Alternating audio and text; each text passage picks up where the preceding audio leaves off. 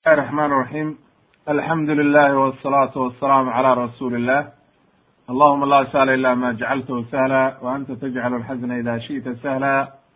Allahuma rabi jibra'ila wamika'ila waisrafila fadir asamawati walard caalim algeyb wاshahaada anta taxkumu bayna cibaadika fima kanuu fihi yakhtalifuun ihdina lima اkhtulifa fihi min alxaqi biidnik inaka tahdi man tashaau ila siraadi mustaqim in sha allahu tabaaraka wa tacaala qisadii qeybtii labaad oo qisatu saalix calayhi salaam oo waxa weeye tamuud reer tamuud iyo saalix wixii dhex maray ayaynu halkan marka qeybtii labaad ka sii wadayna.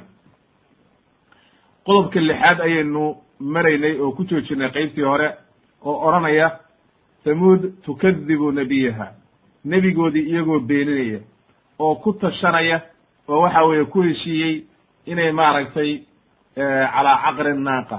Habkii ay u dili lahaayeen hashii oo waxa weye ay gebigeedaba u khaarajin lahaayeen ayaynu marka halkaana kaga hadlaynaa rabbidna qaala ibnu katir raximah llah imaam ibnu katir waxa uu leeyahay falama daala markii calayhim alxaal falama daala calayhim hada alxaal markii arrintii ku dheeraatay oo waxa weeye ay hashii u dulqaadan waayeen leannao qoom la imtixaamay bay ahaayeen oo waxa weeye imtixaamki ilaahay ayaa waxa weye ku sugnaaday.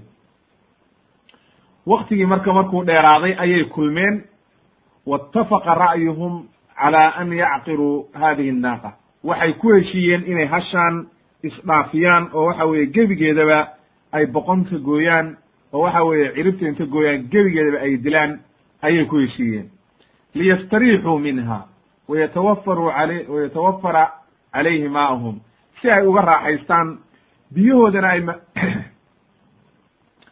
biyahoodana ay maalin walba u cabbaan oo waxa weeye aan la odhanin idinkana maalin baad leedihiin hashuna maalin bay leedahay. Halkaa marka arrintii markay gaartay ayaa wuxuu yidhi marka ibnu kathir wuxuu leeyahay shaydaankii ayaa u ziineeyey oo u qurxiyey acmaashoodii ay samaynayeen. Kama qaala tacaala facaqaruu nnaaqata wacatow can amri rabbihim marka hashii markay dileen oo ay amarkii ilaahay khilaafeen oo caasinimadaas sameeyeen kuma ay ekaanin intaa inay joojiyaan ayay markaa haddana waxay yidhaahdeen wa qaaluu ya saalixu i'tina bima tacidunaa in kunta min alsaadiqiin in kunta min almursaliin haddii aad tahay mid run sheegaya oo rasuul la soo diray haddii aad tahay noo keen cadaabta aad doonaysid. Waxa uu yidhi marka ibnu katir raximahullah iyadii o dhan markay saa ku itifaaqeen laakiin ninkii hasha dilay oo waxa weeye arrintaa tawaliyey oo arrintaa mas'uuliyaddeeda qaaday wuxuu yidhi ibnu kathir raximahullah wa kana aladii tawallaa qatlahaa minhum ra'iisahum. Waa ninkii madaxda u ahaa oo nin aad iyo aad loo adeeca buu ahaa oo waxa weye nin aad u xunaba ahaa. Qudaar ibnu salif ayaa la ohan jiray ibnu jundac ayaa la ohan jiray ba yidhi wuxuu ahaa nin waxaa la yidhi gaduudan oo waxa weeye ka duwan dadka oo aad iyo aad maaragtay u dhib badan oo shariira oo aad u dhib badan buu ahaa ba yidhi. Waxaa la leeyahay marka wuxuu yidhi ibnu kathir wuxuu ahaa waladu zaniya nin zina ku dhashay buu ahaa oo waxa weeye hooyadiis ayaa zinaysatay. Hooyadiisna waxaa qabay baa la yidhi ninkaa la ohan jiray salis oo waxa weeye firaashkiisiibuu ku dhashay. Laakiin isagu asalkiisa waxaa dhalay ba la yidhi oo waxa weeye wacalnimo ku dhalay nin la ohan jiray siban ninkaa ayay u tiiriyeen waxa weeye dadka taariikhdu. Wuxuu leyahy marka ibnu kathir wa kana ficluhu dalika biitifaaqi jamiicihim. Isagu ha dilo oo waxa weeye hashii ha dilo laakiin iyagoo dhan horta waa ku tashadeen in hashaa la dilo oo hasha la isdhaafiyo. Laakiin ninkaani ficilkii buu bilaabay oo waxa weeye ficilkii ayuu la yimid oo hashii buu dilay falihada nusiba alficlu ilayhim kulluhum sidaa daraaddeed ayaa iyagoo dhan loo tiiriyey oo ilaahay uu yihi facaqaru nnaaqa hashii way dileen iyagoo dhan ayaa hashii cirib cirib jaray oo waxa weeye seedaha gooyey oo hashii o dhan baabi'iyey maadaama marka ay mas'uul ka wada ahaayeen oo ku wada itifaaqeen ayaa kulligood marka loo tiiriyey ficilkii ibnu jariir dabri waxa uu leeyahay uu sheegay iyo culummo kaleba anna imra'atayni min thamuud laba naagood oo dumar ahaa oo ka mid ahaa reer thamuud ayaa waxay sameeyeen buu yidhi mid waxaa la odhan jiray baa la yidhi saduuf oo waxaa qabay buu yidhi oo waxa weye markii hore qabay naag aad u qurux badan bay ahayd oo xoolo leh oo maal leh oo reer fiican ka dhalatay waxay marka ahayd baa la yidhi markii hore waxaa qabay nin baa qabay ninkii dadkii islaamay buu noqday oo waxa weeye markii hashii la arkay raggii ku islaamay oo mu'miniinta ahaa ayuu ka mid noqday ba la yidhi ninkeedii. Iyaduna waa diiday. Oo waxa weeye way diiday inay islaamto. Fa faaraqatu way way way marka way kala tageen oo waxa weye markaa iyadiina waa diiday inay islaamto isagiina waa islaamay waa la kala dhaqaajiyey marka. Waxay u yeertay ba la yidhi marka waxay lahayd wiil in adeerkeeda oo misdac la ohan jiray. Ayay u yeertay ba la yidhi. Misdac ibni mahraj ibn maxya ayaa la ohan jiray ba la yidhi. Markaasay u yeertay. Nafteeday u bandhigto waxay tihi haddii aad hashaa dishid oo maanta hashaa aad dishid adiga ayaa iska kayleh saad doontid iga yeel ama i guurso ama cirka ila aad naftayda adaan ku makansiiyey wey midda kalena waxaa la ohan jiray ba la yidhi cunayza oo waxa weeye waxay ahayd islaan cajuusa oo waxa weeye ninkii la ohan jiray ga gaalka ahaa oo kaafirka ahaa ayay waxay u dhashay ba la yidhi carruur. Afar gabdhood bay lahayd ba la yidhi oo aad iyo aad maaragtay u qurux badan. Marka ninkii du-aab ayaa qabay oo waxa weye aynu markii hore soo sheegnay marka iyadu laakiin islaan cajuusaa bay ahayd oo aan markaa nafteeda cidna u bandhigi karin laakiin afarteedii gabdhood ayay inta soo kaxaysay ba la yidhi oo u yeertay ninkaa la yidhaahdo qudaar. Ayay u yeertay ba la yidhi. Markaasay waxay ku tiri qudaarow haddii aad hashaa dishid afartayda gabdhood tii aad ka dooratid ayaad leedahay. Labadaa nin baa soo booday buu yidhi markaa ibnu jariir oo waxa weeye soo dhaqaaqay oo ku talagalay hashii inay dilaan. Markaasay waxay qoomkoodiiba u yimaadeen oo ku booriyeen in hasha la dilo oo arrintii bay ka shaqeeyeen. Toddoba kale ayaa soo raacday ba layidhi oo waxa weeye toddoba kale ayaa ajiibtay oo yidhi annagaa idinla dilayna ee ina kaxeeya sagaal bay marka noqdeen wa hum almadkuuruuna fi qowlihi tacaala waa aayadda qur'aankaa oo fi suurati annamli waa kuwa ilaahay ku sheegay oo yidhi wa kaana fi lmadiinati tiscatu rahdin yufsiduuna fi lardi walaa yuslixuun sagaal baa magaaladii joogay dhulka fasahaadinayey oo aan wanaag ka shaqaynaynin oo dhaalimiin ahaa sagaalkaa nin bay ahaayeen ba la yidhi marka marka waxaa laga magacaabay qudaar ibnu salif iyo waxa weeye misdac ibni mahraj labadaasaa laga magacaabay. Labadoodana dumar baa ka dambeeyey oo waxa weeye dumarkoodii dumarkaas ay maaragtay loo bandhigay ayaa labadaba ku booriyey inay arrinta ka qayb qaataan. Way soo kaceen ba la yidhi inay maaragtay ay marka hashii dilaan. Qabiiladii kale oo dhanna raalli bay ka noqdeen oo kama ay celin munkarkii. Oo waxa weeye hashii inay dilaan kama ay celin laakiin iyagoo dhan raalli bay ka ahaayeen oo orda dila bay dheheen wuxuu leeyahay marka ibnu kathiir sidoo kale dumarkiina xataa raalli bay ka ahaayeen oo waxay bilaabeen inay ku boorinayaan oo waxa weeye dhabanka garaacayaan oy leeyihiin waana ceebayseen hal xunaho waxa weye waxay tahay aan jirin waad annagii o dhan waxaad naga dhigteen maalinna waxaad leedihiin biyaha hashaa leh ma maxay tahay marka waxaas? Maalinna idinkaa leh. Marka qabiilkii oo dhan oo sharafta lahaa iyo hal xunaad sunteen bay leeyihiin. Aad bay marka ugu booriyeen in hashii markaa la dilo wuxuu leeyahy marka ibnu kathiir raximahullah iyo ibnu jariir iyo waxay leeyihiin waxaa bilaabay markay soo tageen marka sagaalkii nin ayaa waxaa bilaabay ninkii la odhan jiray misdac ayaa waran ku tuuray. Markaasay hashii xoogaa dhaawacantay. Ninkaa qudaar la yidhaahdo ayaa seef inta la booday. Hashii go'yey boqonta oo dilay oo waxa weye markaa hashii kow kaga dhigay. Markaa ayay hashii dhacday oo dhulka ku dhacday. Markay dhulka ku dhacdayna waxay bilaabeen inay googooyaan oo waxa weye iyagii dhan ay jarjaraan. Markaasay hashii iska cabaaday oo waxa weye hadda halkaa ku dhimatay oo waxa weye ciqaabkii ilaahay ayaa markaa haddana u yimid weye marka waxa uu yidhi siduu ilaahay yidhi qaala tacaala fanaadow saaxibahum fatacaadaa facaqar fakayfa kana cadaabii wa nudur haddaba marka iyagii saaxiibkooda waa ninkaa weeye idinbacata ashqaaha weye waa ninkii ugu khayr daraa weeye markaasuu ila nebigii wuxuu ku yidhi nebi saalex faqaala lahum rasuulu llahi naaqat allahi wasqya war hasha iska daaye war hashaa ha dilinina war masiibaa idinku dhacaysa haddaa hashaa dishaane faraha ka qaada. Fakadabuuhu facaqaruuha way beeniyeen hashiina waa dileen oo waxa weeye kow bay kaga siiyeen oo hashi waa dileen. Ilahay marka wuxuu yidhi fadamdama calayhim rabbuhum bidambihim fasawaaha walaa yakaafu cuqbaha iyagii o dhan ilaahay waa baabiiyey gam buu ka dhigay xabad kagama tegin waxa weeye cid looga baqayo oo waxa weeye ilaahay maaragtay kula xisaabtamaysana ma jirto wey waxaa kaloo sugnaatay marka ninkaas xadiis buu ku fasiray nebiga calayhi salaatu wassalaam id inbacata ashqaaha. Waxa uu werinayaa cabdullaahi ibni zamca ayaa wuxuu werinayaa saxaabigii jaliilka oo waxa weeye ibn abi zamca u dhalay cabdullahi ibni zamca la ohan jiray ayaa werinaya xadiidka marka ibnu zamcahaasna gadaal buu inooga imaanayaa sharxiisa abu maaragtay abu zurca alasad ibn cabdilmualib ibn almualib weye ibn alasad ibn cabdilcuza waxa weeye marka jaddu raawi weye cabdullahi ibn abi zamca macnaha ninkan xadiidka werinaya oo cabdullahi la yidhaahdo aabihi awowgi weeye awowgi weeye. Marka wuxuu ahaa ba la yidhi ninkaasi nebiguna suu ku tilmaamayo nin wuxuu ahaa ba la yidhi nebiga ku dheeldheeri jiray gadaal baynu ka ta ka tacliiqin doonaa. Wuxuu yidhi marka nebiga calayhi salaatu wasalaam ayaan maqlay buu yidhi oo odranaya yakhdubu wa dakara annaaqa waladii caqara.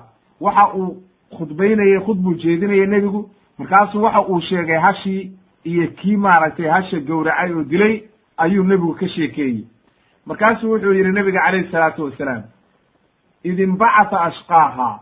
Markii uu baxay kii ugu khayr daraa waxaa baxay buu yihi rajulun casiizun caarimun maniicun fii rahdihi mithlu abi zamca.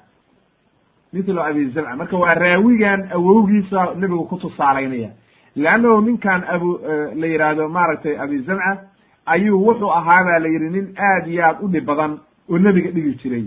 Marka alasad ibn lmuطalib ibn asad ibn cabdilcuza weeye. Waa ninkan raawiga ah awowgi weye marka nin kaafira ayuu ahaa isaga iyo wiilkiisaba waxaa lagu dilay beder oo raggii nebiga dhibi jiro kuwiis isaa'i jiray buu ahaa yowmu beder baa la dilay isaga iyo waxa weeye wiilkiisiiba.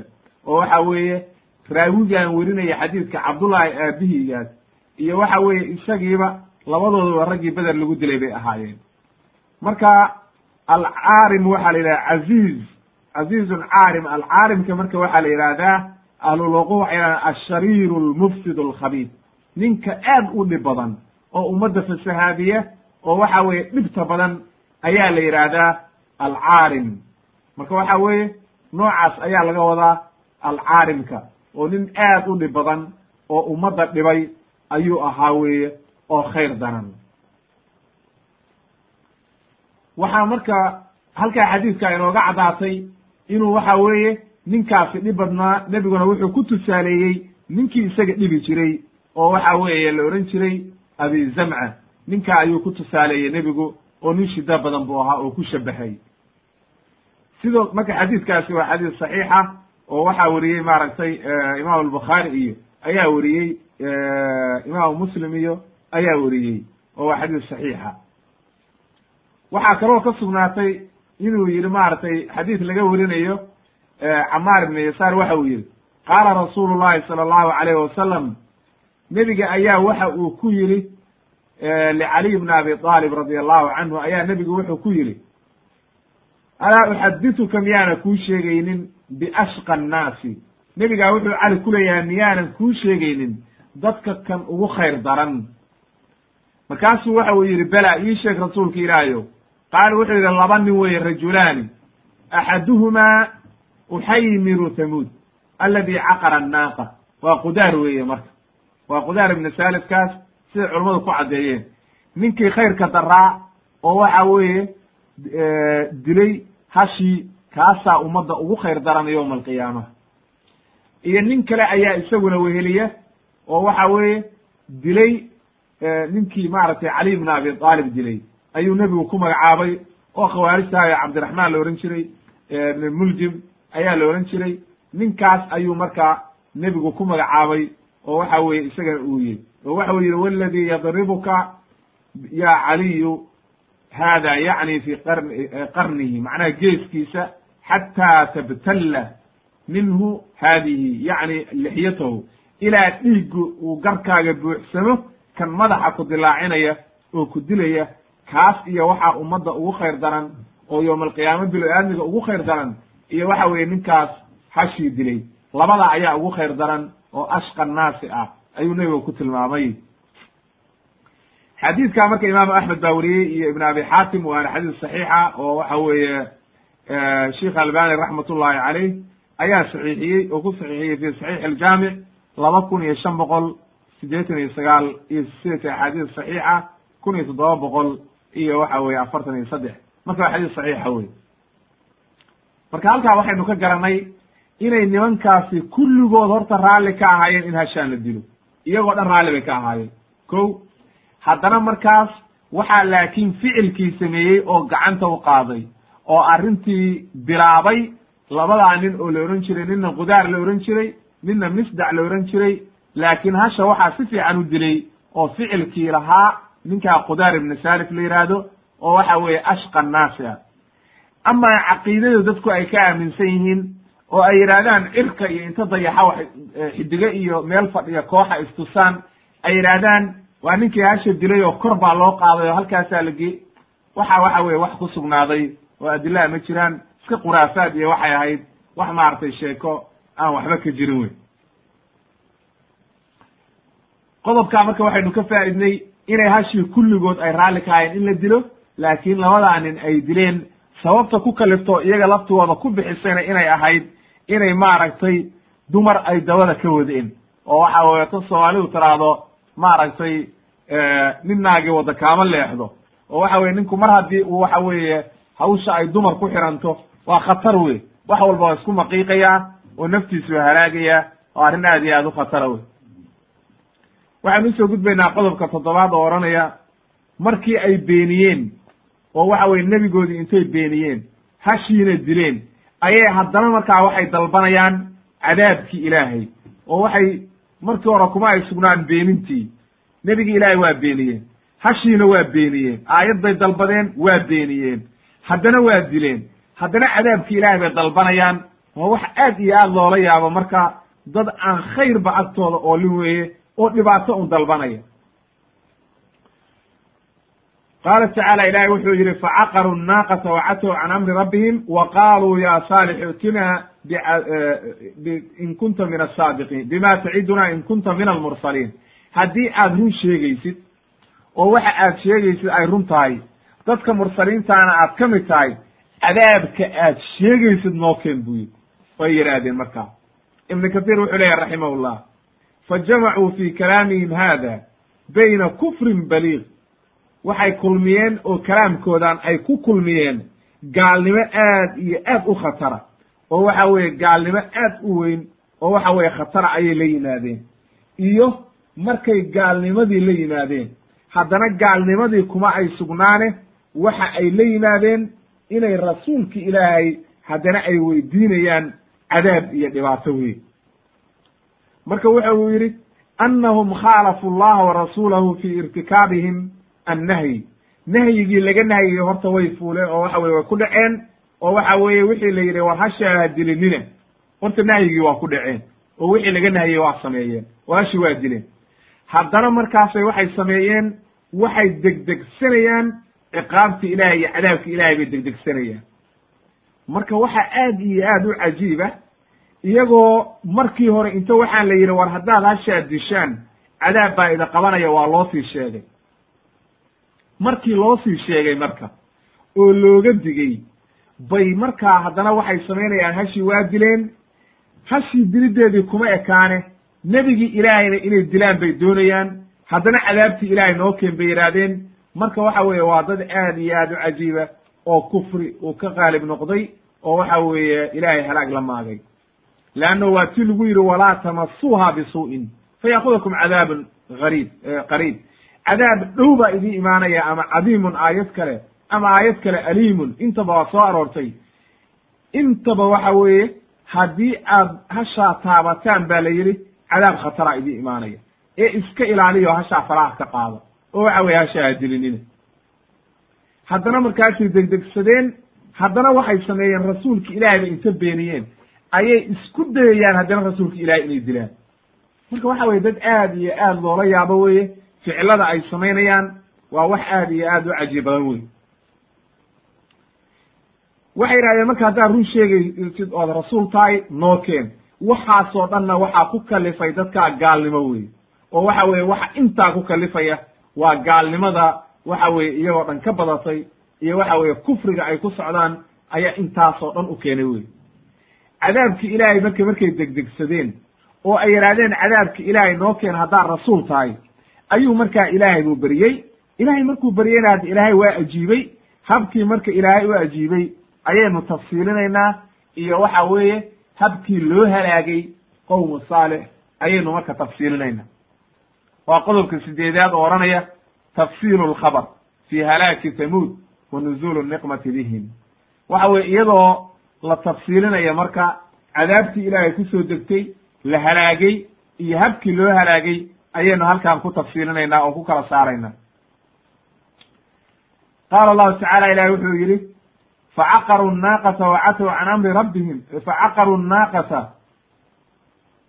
marka facaqaruuha aayadda kale ahayd facaqaruuha faqaala tamatacuu fi daarikum halaaثata ayaam halaaثata ayaamin dalika wacdun gayru makduub saddex beri raaxaystaa la yidhi markay hashii dileen saddex beri ayaad raaxaysanaysaan ba la yidhi saddex beri wixii ka dambeeya ciqaabka ilaah baa idinku imaanaya idinkoo dhanna waa layda baabiinaya wuxuu yidhi ibnu kathiir raximahullah waxay sheegeen dadka ahlu taariikh ah iyo waxa weye mufasiriintu inay saddexdii beri markii hashii ay dileen ayaa waxaa lagu yidhi oo uu waxa weye ninkii qudaar uu dilay ayaa waxaa lagu yidhi markaa saddex beri raaxaysta. Oo waxa weye dhulka saddex beri ku raaxaystaa la yidhi. Waxaa markaa uu nabiyullaahi saalix calayhi salaam markuu ku yidhi tamatacuu fi daarikum halaaثata ayaam ay macnaha maanta aad disheen maayo saddex beri oo kale raaxaysta. Ayay markaas waciidkii adkaa oo waxa weeye markii hore looga nahiyey markay ku dhaceen ayaa ballantaa loo qaaday marka. Leannahu marka markay hashii laga nahiyey ay dileen ayay haddana waxay ku sii hamiyayaan inay rasuulka ilaahay dilaan waa iyagii lahaa ilahay waatuu yidhi aayadda qur'aanka taqaasamuu billahi lanubayitana wa ahlahu. Marka maanta hashii bay dileen. Ballantii baa loo qaada waxa la yidhi marka saddex beri raaxaysta. Markaasa yidhahdeen isagana caawaan ba dilaynaa maxaaba saddex beri lagu gaarayaaba? Oo waxa weye isagana caawaan ka dillo baan hadhow ehelkiisii waxaan ku oranaynaa iyo dadkii madaxda u ahaa oo waxa weeye qaraabadiisii iyo waxa weye dadkii dhexalkiisa lahaa oo magtiisa lahaa waxaanu ku oranaynaa uma lanaquulanna liwaliyihi ma shahidnaa mahlika ahli annagu ma aanu dilin warna uma hayno shaqana kuma lihin. Wa innaa la saadiquun dhaar baan isku xaabinaynaa waxaan leenaha annagu arrintaa warkama aanu ogeyn. Sidaa daraaddeed marka ayuu ilaahay waxa uu yidhi wamakaruu makran wamakarnaa makran wahum laa yashcuruun ilaahay markuu ogaaday qoomkan inay waxaa samaynayaan ayuu wuxuu leeyahay marka ibnu kathiir raximahullah iyagii horta sagaalkii nin oon oo oo waxa weye arrintan ku talagalay ilaahay isla habeennimadiiba dhagxan baa inta dusha looga soo daadiyey ayaa madaxa la wada kala dileecshay oo waa la halaagay.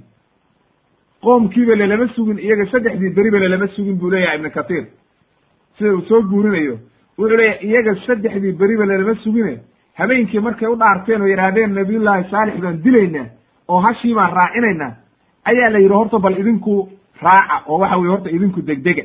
Oo waxa weeye iyagii waa la halaagay dhagxan baa ilaahay dusha uga soo daadiyey eber baa laga dhigay horta iyagii sagaalkii nin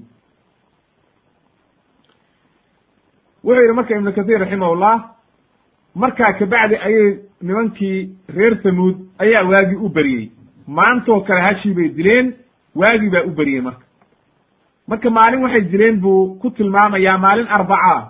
Khamiistii ayaa waxay ahayd ba la yidhi maalintii koowaad oo waxa weeye looga bilaabay saddexdii beri. Khamiis bay ahayd. Wejiyadoodii baa bedelmay oo waa nexeen. Aad iyo aad bay isku bedeleen wejiyadii baa wada jaallo noqday oo waxa weye iyagoo dhan ciqaab baa dusha uga soo degtay naxdintii baa ka badatay. Leanna way ogaayeen ninkaa nebi inuu yahay. Haddii uu habaaray oo waxa weeye ballan uu qaadayna ilaahay inuu maaragtay ajiibayo ciqaabkii markaa uu imaanayo. Falamaa amsuu markay galabaysteen ayay dhawaaqeen. Naadow biajmicihim kulligood waa dhawaaqeen waxay idhahdeen alaa qad madaa yowmun min alajal. War ballantii laynoo qabtay maalin baa tagtay ee ogaada qof walba ogow. Uma asbaxuu maalintii dambey waa beriisteen oo maalintii labaad ah oo yowmuljumuca ah markaasay wejiyadoodii gaduuteen oo iyagoo dhan isbedeleen. Galabtii markay ahayd bay dhawaaqeen oo waxay yidhahdeen alaa qad madaa yowmaani min alajal. War laba beri baa tagtay ogaada. Uma asbaxuu fi lyowmi athaalith maalintii saddexaad ayay gaareen oo waxa weeye maalin sabtiya oo saddexdii beri ugu dambeysay wejiyadii baa bedelmay oo iyagoo dhan waa madoobaadeen oo naxdintii baa ka badatay galabtii markay noqotay ayay waxay yidhaahdeen inta dhawaaqeen war ballantii waa dhammaatay oo saddexdii beri waa dhammaatay qof walba biri wixii kugu dhici lahaa hadda sugo marka falama kaanat sabiixatu yowm aljumuca yowm alaxad maalintii subaxnimadii axadda markay ahayd oo waagii u beriyey ayay kulligood soo dareereen. Oo waxa weye nin walba wuxuu isleeyaha bal waxay dhacaya aad maanta ogaatid. Oo waxa weye kulligood soo wada baxeen iyagoo cadaabkii diyaar u ah cadaabtii ilaahay baa marka u timid. Marka ma garanayaan xaggee looga imaanaya ma cirkaa looga imaan ma dhulkaa looga imaan ma kala garanayaan. Markaasu wuxuu leeyahay ibnu kathiir marka falama ashraqat ishamsu markay qoraxdii ay soo baxday oo waagii beriyey oo qoraxdii si fiican u iftiimisay ayay waxa weeye samada waxaa kaga timid jaa'atum sayxatun min asama min fawqihim. Kor horta qayla uga timid waa lagu qayliyey iyagii o dhan waa lagu qayliyey.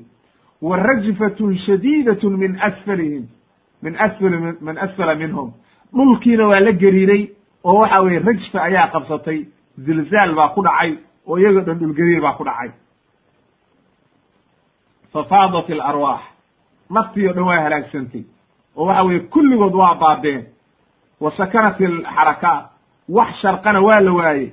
Wa khashacat alaswaatu maaragtay waa wada demeen oo waxa weye waa wada aamuseen wa xaqat alxaqaa'iqu waxaa ku xaq noqotay oo waxa weye ku caddaatay sidii xaqiiqada ahayd iyo ciqaabka ilaahay la doonay oo ay degdegsanayeen ayaa waxa weeye ku waaberiistay fa asbaxuu fi fi daarihim jaatimiin ay juthan laa laa laa arwaaxa fiiha.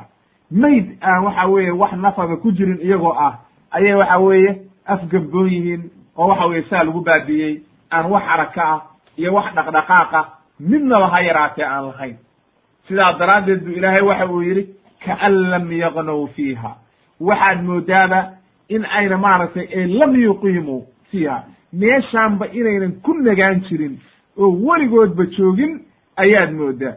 Risiqii iyo wanaaggii iyo waxa weye nicmadii ay haysteen oo dhan eber ayaa laga dhigay oo ilaahay waa baabi'iyey markaasuu ilaahay kabacdi wuxuu yidhi alaa ina hamuuda kafaruu rabbahum? Alaa bucdan lithamuud ay macnaha halkaa ayaa marka waxaa ku caddaatay in khayrkii oo dhanna laga dheereeyey oo waxa weeye naxariistii o dhan laga qaaday naar iyo ciqaabna waxa weye halkaa ay uga bilaabatay adduunkiiba iyagoo jooga in ciqaabtii ilaahay ku bilaabatay.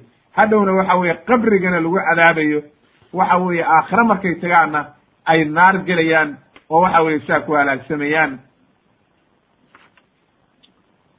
marka halkaa waxay nooga caddaatay kayfiyadii lagu halaagay oo waxa weeye labadaa qaybood ayaa ku soo aroortay alrajfa wasayxa in korna looga qayliyey dhulkiina ay geriireen oo waxa weye dhul geriir ku dhacay oo dhulkii geriiray oo waxa weye markaa ay baabeen oo iyagii o dhan gam laga dhigay ayaa marka halkaa ka caddaatay.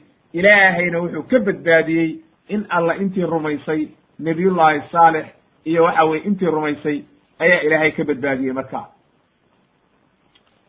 Waxaynu u imaanaynaa marka qodobka sagaalaad oo odhanaya khabarkii laga sheegay dikru khabar nin ka mid ahaa oo la ohan jiray abira abirigaal oo waxa weeye xaramka ilaahay joogay markaa oo waxa weeye markaas xaramka joogay leanno waxaynu niri oo hadda ka hor soo sheegnay qisatu aadam markaan ka hadlaynay xaramku waxa weeye maka intaan la dhisin xataa xaram bay ahayd oo ilaahay baa xarimay yowma khalaqa asamaawaati walard marka nimanka ninkaa oo waxa weeye xaramka joogay ayaa waxaa xadiid ka sugnaaday in xaramkii markii uu ka soo baxay intuu xaramka joogay ciqaabtii kuma dhicin. Laakiin mar alla markuu xaramkii ka soo baxay oo waxa weye uu xaramkii ka soo tegey ayaa waxa weye ciqaabtii ilaahay ku dhacday oo waxa weye uu halaagsamay. Ayaa waxa weye axaadiis ku sugnaatay. Waxaa sugnaatay sida xadiidkii laga wariyey can abi zubayr can jaabir radi allahu canhu qaala wuxuu yidhi lama mara rasuulu llahi sala allahu alayh wasalam bilxijr waa meeshii ay tamuud deganaayeen xijri waa dhulkii ay deganaayeen kadabat asxaabu lxijri waatuu ilaahay lahaa. Marka waa meeshii ay deganaayeen ayaa xijri la ohan jiray meeshaa markuu nebigu soo maray maalintii markuu taboog u socday ayuu waxa uu yidhi saxaabadii wuxuu ku yidhi laa tas'alu laayaat aayadaha iyo mucjisooyinka ilaahay ha weydiisanina. Faqad sa'alahaa qowmu saalixin waxaa weydiistay oo waxa weeye mucjiso dalbaday reer saalix qowmu saalix ayaa dalbaday. Markay dalbadeenna halaag ba waxa weye ay ka qaadeen. Yacni naaqa hashii buu u jeedaa wuxuu yidhi nebigu taridu min hada alfaji meel buur uu tilmaamay oo waxa weeye fajiga waxaa la yihahdaa mati m meesha labada buurood dhexdooda ah la maroo kale waddada ka baxda halkaas ayay maaragtay ka soo aroori jirtay wa tasduru waxayna ka fuli jirtay min hada alfaji meesha.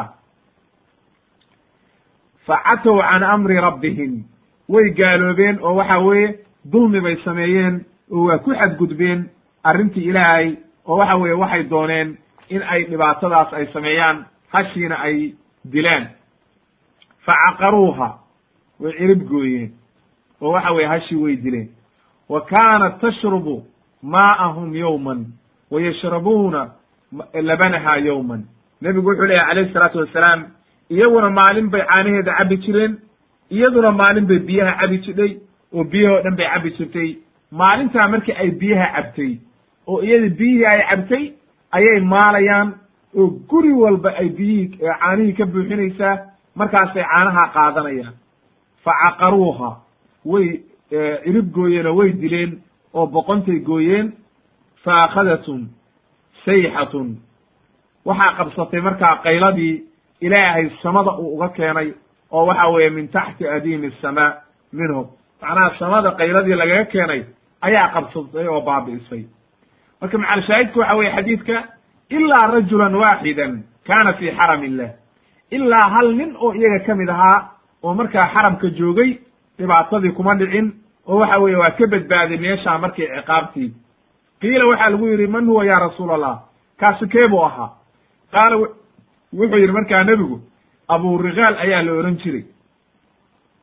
Falamaa kharaja markii uu ka soo baxay min alxarami xaramka markii uu ka soo baxay oo uu is yidhi dadkaagii iyo ehelkaagii aad asaabahu maa asaaba qowmahu cadaabtii baa isagana u timid waa la halaagay marka isagiina oo waxa weeye ciqaabta ayaa ku dhacday oo waxa weye markaa wuu halaagsamay.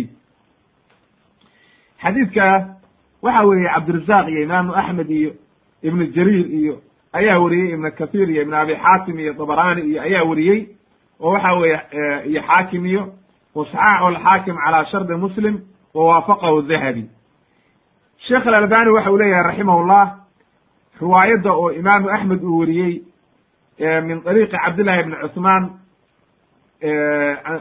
ibni khaysam can abi zubayr can jaabir radi allahu canhu qaala alxaafid ibnu katiir fi taariikhihi isnaaduhu صaxiix wakadalika صaxaxahu alxaakim min hada alwajh wawaafaqahu dahabi laakin xaafid ibni xajar raximah llah waxa uu yihi waa xasan. Marka sheikh alalbani raximah llah wuxuu leeyahay wa hada aqrab. Inuu xasan yahay ayuu u dhow yahay. Marka shiiku xoogaa waa ka taraduday sheikh alalbani raximah llah inuu waxa weeye uu saxiixiyo waa ka taraduday oo xoogaa shaki baa ka galay. Leanno waxaa sababtu tahay uu uga taradudayo wuxuu yidhi waxaa dhibaatada jirta waxay tahay ana aba zubayr mudallis ninka la yidhaahdo ibnu zubayr ayaa wuxuu yahay abi zubayr ayaa wuxuu yahay mudallis.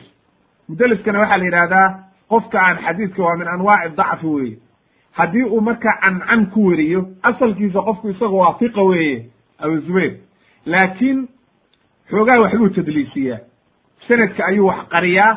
Marka sidaa daraaddeed mudalisku waxa weeye waa ninka aan sheegin oo odhan xaddatanaa fulan ee dhahaya can fulan ayuu dhahayaa marka haddii tadliis qofka lagu barto uu canna ku weriyo waa musطalax alxadiid lama qaato riwaayadiisa ilaa uu yidhaahdo oo uu caddeeyo oo uu yidhaahdo xaddatanaa fulan waxa weye riwaayadiisa waa la diidaa oo lama qaato. Ayaa maaragtay sidaa sugan oo waxa weye musطalax alxadiidka ku sugan. Marka sidaa daraaddeed ayuu wuxuu leeyahay sheekh albani raximahullah ninka ayaa ku jira. Marka waxa weeye riwaayadiisu xoogaa tawaquf buu ka sameeyey. Laakiin imaamu dahabi iyo waxa weeye culamo kale iyo xaakim iyo waa wada saxiixiyeen. Oo waxa weeye qaarna xasan bay ka dhigeen qaarna saxiix bay ka dhigeen. Marka inuu asal leeyahay ayaa halkaa ka caddaanaysa marka halkaa waxay nooga caddaatay ninkaas xaramka ilaahay markii uu joogay dhibaatadii kuma dhicin laakiin mar alla markuu xaramkii ka soo baxay oo uu banaanka yimid ayaa la yidhi isagana dhedhemi wixii qoomkaagu ay dhedhemiyeen oo ciqaabtii baa ku dhacday marka. Sidaa ayuu isagiina ku halaagsamay oo u raacay oo uga daba tegey dadkiisii. Leanno dulmiga ayuu kula jiray oo wuxuu ahaa raggii nebiga dhibi jiray oo dhaalimnimada samaynayey oo waxa weeye ciqaabta iyo dhibaatada ka dambeeyey oo gaaloobay ayuu ka mid ahaa weye marka sidaa daraaddeed isagana ciqaabtii baa ku dhacday waa halaagsamay.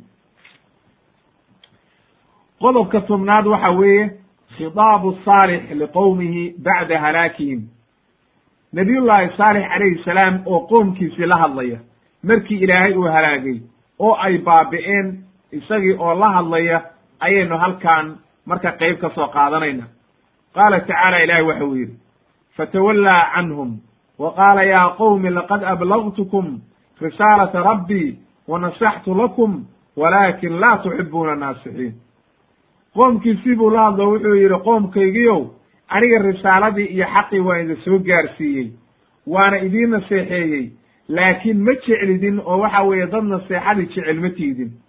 Qaala ibnu kathiir wuxuu yidhi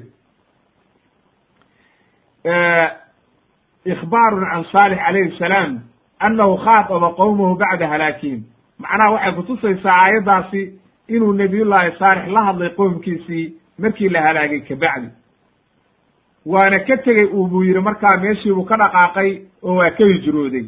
Isagoo dhahaya wa yaa qowmi laqad ablagtukum risaalata rabbii wa nasaxtu lakum.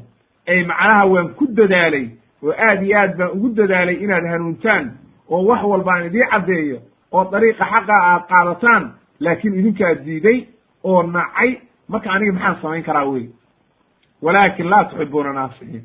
Ma jeclidin in la idin naseexeeyo oo dad naseexa iyo wanaag raba. Ma tiidin sidaa daraaddeed ayay idii qabsatay dhibaatadan oo waxa weeye dabeecaddiinna ayaan xaqa diiday inay aqbasho. Marka naftiina eedeeye weye oo sababtan waxa idinku keentay waxa weeye waa ciqaabtaa idinku gacmihiina ku kasbateen.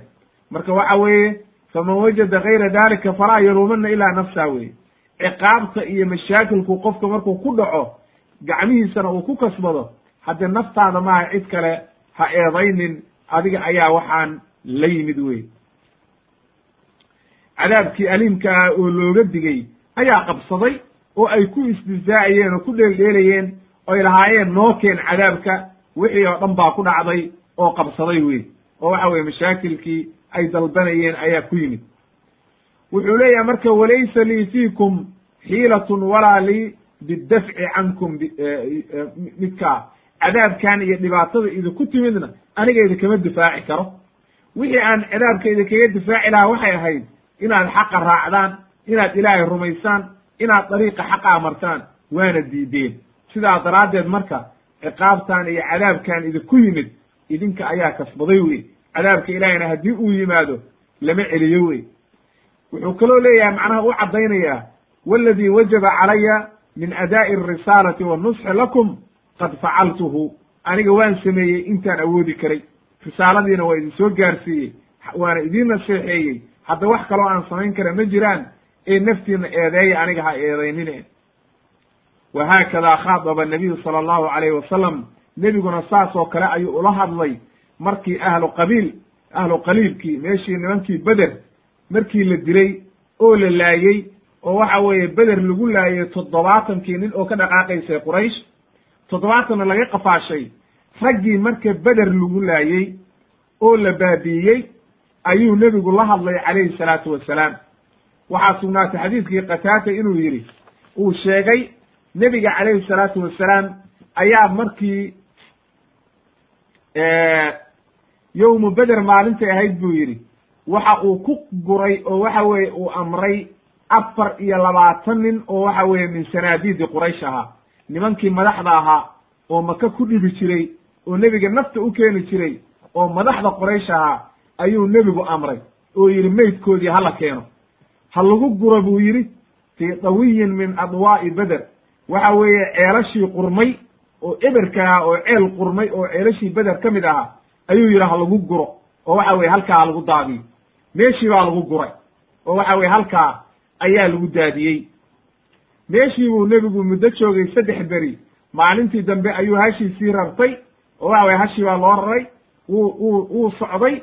Saxaabadiina waa raaceen iyagoo isdhahaya markaa inuu xaaje iyo dan u baxay ayay isleeyihiin laakiin isma ay laha nimankii meydkaha buu la hadlayaa marnaba maskaxdooda ma ay gelin.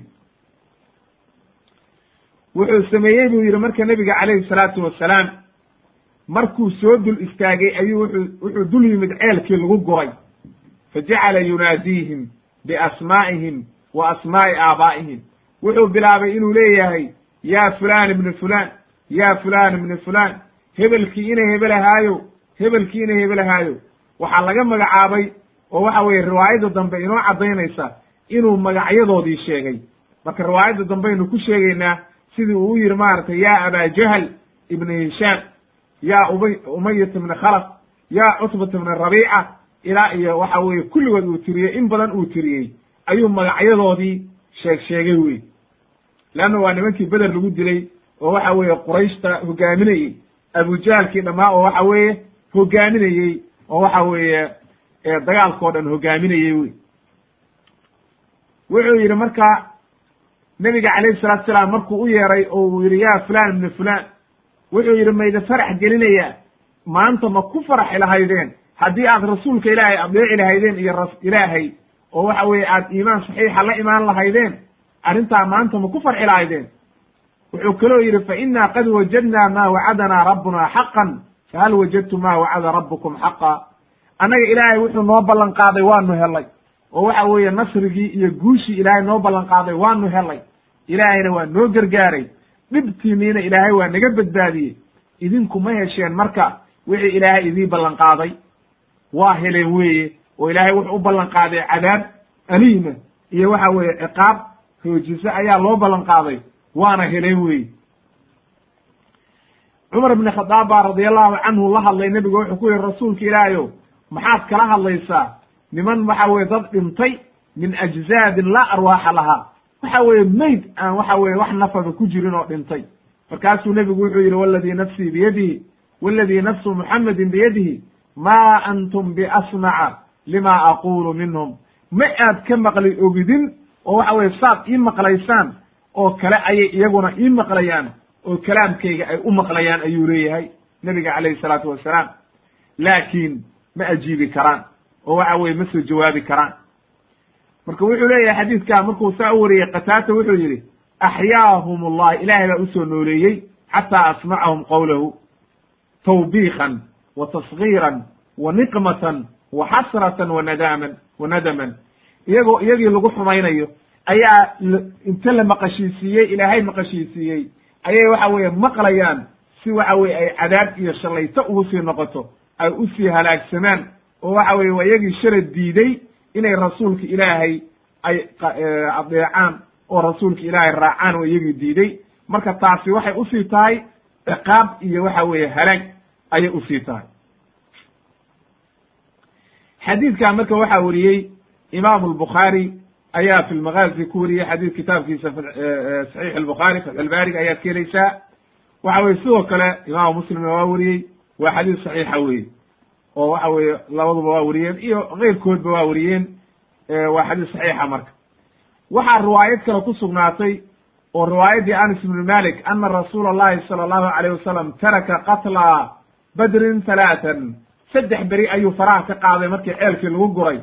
Uma aataahum faqaama calayhim fanaadaahum faqaal intuu u yimid oo soo dul istaagay ayuu u dhawaaqay oo waxa uu yidhi yaa aba jahl ibna hishaam yaa umayata bna khalaf yaa cutbata bna rabiica iyo kuwii kalena wuu sheegay macnaha nayda farax gelinayaa maanta inaad rasuulka ilaahay iyo waxa weye ilaahay aad adeeci lahaydeen. See maanta markay idinku tahay ciqaabta iyo dhibta aad la kulanteen bal ka warrama wey marka halkaa waxaa kaaga caddaatay in waxa weeye uu nebiguna la hadlay calayhi salaatu wasalaam nimankaa markii la halaagay oo halaagii ku dhacay. Nebiyullahi saalixina calayhi salaam saasuu ula hadlay qoomkiisii oo intuu ka jeensaday waxa uu ku yidhi maaragtay naxariis waan idin soo gaarsiiyey wax alla wixii ilaahay ila soo diray risaaladii ilaahay laakiin idinka ayaa diiday oo aan jeclaysan oo nacay weeye.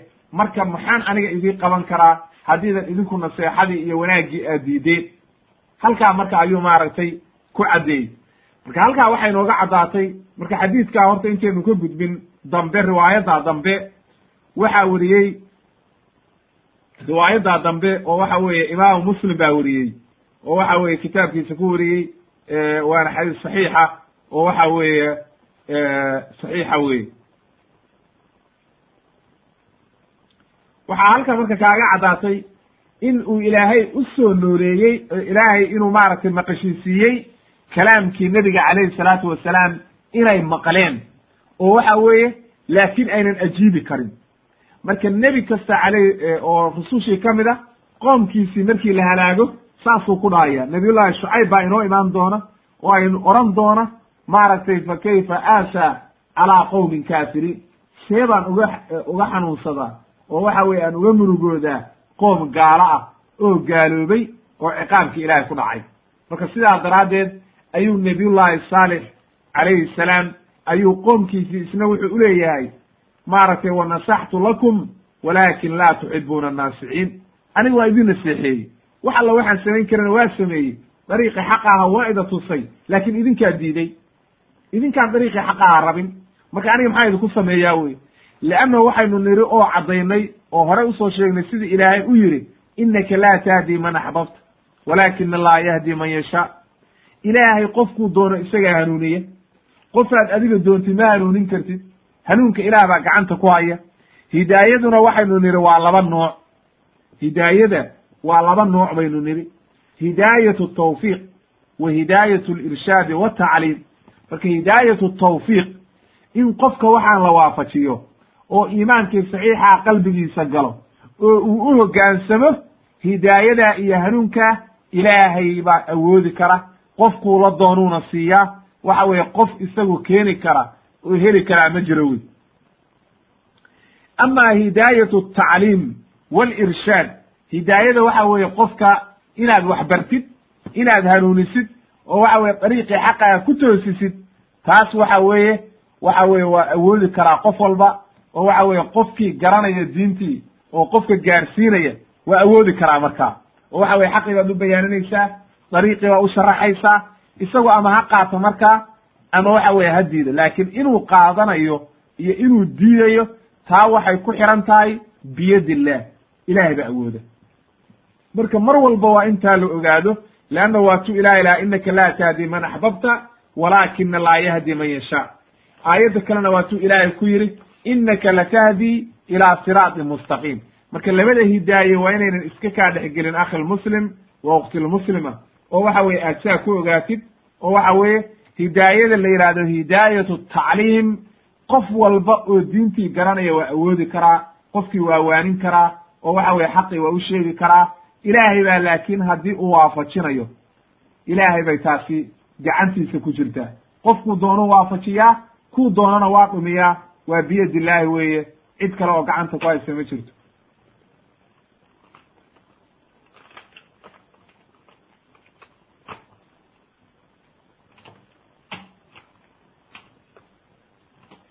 waxaynu u soo gudbaynaa marka insha allahu tabaaraka wa tacaala intaa markaynu ka gudubnay.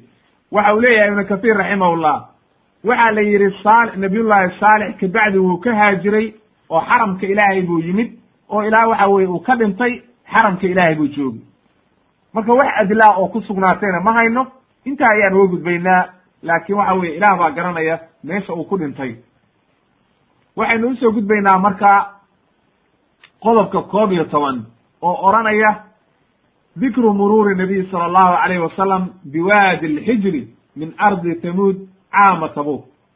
Nebiga calayhi salaatu wasalaam markii uu tabuk aaday sannadkii ghaswatu tabuk oo nebigu uu maka madiine ka baxay oo waxa weye uu halkaa aaday oo dagaalkii waxa weeye tabuk uu aaday ayuu wuxuu soo maray ba la yidhi meeshii ay deganaayeen reer tamuud cabdullaahi ibni cumar radi allahu canhu wuxuu leeyahay lama nazla rasuulu llahi sala allahu alayhi wasalam rasuulkii ilaahay markii uu soo maray meeshii maratay ghaswatu tabuk uu u socday nazala waxa uu degey bihim alxijra cinda buyuuti tamuud waxa uu degey maalin buu wuxuu degey markii meeshii la marayey meeshii ay deganaayeen oo reer tamuud ay deganaayeen alxijri la ohan jiray ayuu meeshaa agteeduu degey fastaqa annaasu min alaabaari alatii kaanat tashrabu minha tamuud dadkii ayaa waxay ka dhaansadeen marka la socday nebiga calayhi salaatu wassalaam xoolihiina ka waraabsaday ceelkii ay waxa weeye ay ceelashii ay ka cabbi jireen reer tamuud ayay ka dhaansadeen. Facajjanuu minha burkiina waa ka qoysteen oo waxa weye cajiinkii ayay waxaysteen oo inay cunto karsadaan ayay ku talagaleen oo waxa weye cajiinkoodii bilaabeen. Wa nasabu lquduur waxay bilaabeen wa nasabu lquduur inay waxa weeye ay dheriyadiina dabkay saareen oo waxay ku talagaleen inay cuntadoodii karsadaan. Nebiga calayhi salaatu wasalaam markaa ayaa wuxuu sameeyey fa amarahum rasuulu llahi sala allahu alayhi wasalam fa uhriquu alquduura waa la daadiyey dheriyadii oo digsiyadii dabka la saaray inta la afgembiyey. Ayuu yihi daadiya wax alla wixii lagu kariyey. Wa calafu lcajiina alibil. Cajiinkii iyo burkii iyo waxa weeye la qooyey oo la rabay in la sameeyana waxa la siiyey maaragtay xoolihii geeri baa la siiyey. Uma irtaxala wuu ka rartay oo waa ka guuray. Bihim meeshii wuu ka guuray ay deganaayeen uma irtaxala bihim xata nazla bihim cala albiri aladi cala albiri alati kaanat tashrabu minha annaaqa intuu rabay saxaabadii oo kaxeeyey ayuu wuxuu dejiyey ceelkii ay hashu ka cabi jidhay ayuu ag dejiyey leanno hashu waxay ahayd ilaahay maaragtay xayawaan uu soo diray iyaduu dulmi ma gelin laakiin nimankaani dulmi bay galeen oo waa la cadaabay marka wuxuu yidhi nebigu meeshoodii oo kale ayuu diiday in waxa hali ay samayn jireen iyo biyaha ay cabi jireen in la cabo ayuu diiday oo waxa weye waa laga guuri wa nahaahum wuxuu nahayey nebigu an yudkhaluu inay galaan an yadkhuluu ala cala alqowmi aladiina cudibuu wuxuu yidhi war qoomkaa la cadaabay oo waxa weeye cadaabtii ilaahay ku dhacday oo la halaagay guryahoodii ha gelinina oo waxa weeye ha u dhowaaninina waxaan ka baqayaa buu yidhi nebigu inii akhshaa an yusiibakum mithlu maa asaabahum. War waxaan ka baqayaa wixii ku dhacay oo kale inay idinku dhacaan. Oo ciqaabtii ilaahay ku keenay oo kale inay idinku timaado ee waxa weeye ha u dhowaaninina oo waxa weeye iska ilaaliya. Waxa uu yidhi marka falaa tadkhuluu calayhim. Ha u gelinina marka. Oo waxa weye nebigu waa ka nahiyey in loo galo. Aad iyo aad buu nebigu u nahiyey imaamu axmed ayaa weriyey xadiidka iyo imaamu albukhaari iyo imaamu muslim ayaa weriyey waa xadiis saxiixa. oo waxa weye saasuu ku caddaynayaa nebiga calayhi salaatu wasalaam oo waxa weye cabdullahi ibni cumar ka werinayo in waxa weeye qoomkaasaa loo halaagay oo waxa weeye laga nahiyey nebigu uu ka nahiyey inay meeshii ay geli jireen iyo meeshii ay tegi jireen iyo ceelashii ay biyaha ka cabbi jireen in ay galaan saxaabadii oo ay fiiriyaan uu u diiday oo wuxuu yidhi ha u dhowaaninina riwaayad kale oo ibnu cumar wariyey waxay ahayd qaala rasuulu llahi sala allahu alayh wasalam rasuulka ilaahi wuxuu yidhi laa tadkhuluu ha gelinina. Calaa haaulaa'i almucadabiin qoomkaa la cadaabayo oo ciqaabkii ilaahay ku dhacay ha u gelinina. Ilaa an takunuu baakiin ilaa idinkoo ooyaya mooye oo ciqaabta iyo wixii ku dhacay inta xusuusan naxsan oo ooyaya mooye ha u gelinina ayuu yidhi oo iska ilaaliya qoomkaan meelahoodii ha teginina fain lam takunuu baakiina falaa tadkhuluu calayhim haddii iidan ooyeynin oo cabsi idahaynin oo ilaahay iidan baryaynin oo dhahaynin ilaahu naga badbaadi ha u gelinina idinkoo faraxsan waad aragtay dadkii maanta meelihii fircoon iyo lagu cadaabay oo lagu halaagay iyo waxa weeye dadkii hore la halaagay ayay waxay leeyihiin taariikh baanu u tegaynaayo waa soo daawanayna dalxiis baa loo tegaya waa la soo sawiranaya nebiguna wuxuu leeyahay war guryahoodii ha gelinina ilaa an takunuu baakin idinkoo ooyayo naxsan mooye. Xataa wuxuu yidhi nebiga calayhi salaatu wasalaam riwaayad kale haddiidan xataa ooyi karin oo ilmayda ka imaanaynin iska keena ilmo oo waxa weye aad iyo aad isaga ilaaliya. Wuxuu yidhi marka waxaan ka baqayaa an yusiibakum mithlu maa asaabahum. Wixii ku dhacay ciqaabtii ku dhacday baan ka baqayaa idinkana inay idinku dhacdee iska ilaaliya oo ha u gelinina oo arrintaa ka digtoonaada ayuu ku yidhi. Xadiidkaana waxaa weriyey imaamu muslim raximahullah ayaa weriyey oo waxa weeye kitaabkiisa saxiixi muslim ayuu waxa weye ku weriyey bilafdi laa tadkhuluu masaakin aladiina dalamuu. Booskii ha gelinina meeshii ay deganaan jireen kuwii kibray oo waxa weeye dulmiga sameeyey booskoodii ha gelinina waxa uu leeyahay imaamu nawowi marka markuu sharaxayo oo waxa weye halkaa uu xadiidka qabanayo waxa uu leeyahay xadiidkaa waxaa ku sugan buu yidhi oo uu daliil u yahay fawaa'id awalan annahyu can isticmaali miyaahi maaragtay bi'aari lxijri nimankaas ceelkoodii iyo meeshii ay ka cabi jireen waa xaaraam weeye oo nahyigaasaa ku soo arooray in la isticmaalo ma banaana haddii xataa marka waxaa kaloo ku sugan bu yidhi oo haddii wax cajiin iyo bur iyo rooti iyo inta wax la samaynayo dadkii markaas loo diido inay cunaan xoolaha waa la siin karaa oo wax dhibaataa male waxaa kaloo ku sugan buu yidhi in la siin karo xoolaha wax raashina iyadana waa bannaan tahay buu yidhi. Oo waxa weye halkaa faa'iido weeye bannaan weye waxaa marka halkaa laga faa'idayaa buu yidhi mujaanabatu aabaari adaalimiin macnaha ceelashoodii in laga fogaado iyo aahaartoodii iyo waxyaalihii ay ka tageen. Lana barakaysto oo waxa weeye dadkii saalixiinta ahaa leanno hashii ceelkii ay ka cabtay buu nebigu u ogolaaday inay ka cabbaan. Laakiin waa loo diiday dadkii dhaalimiintaa ceelashii ay ka cabbi jireen inay ka cabbaan.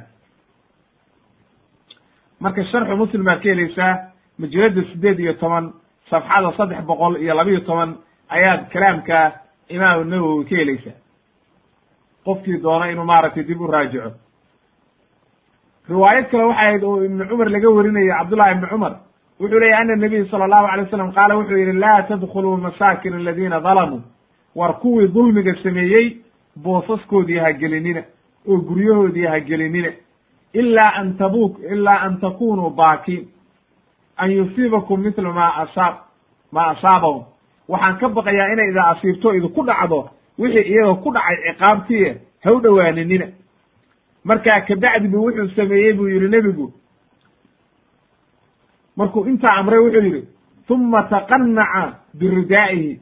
Macnaha madaxiisa ayuu wuxuu ku daboolay maradiisii oo waxa weye wejiga ku duuduubtay oo waxa weeye markaa wahuwa fi raxl isagoo neefkiisii saaran.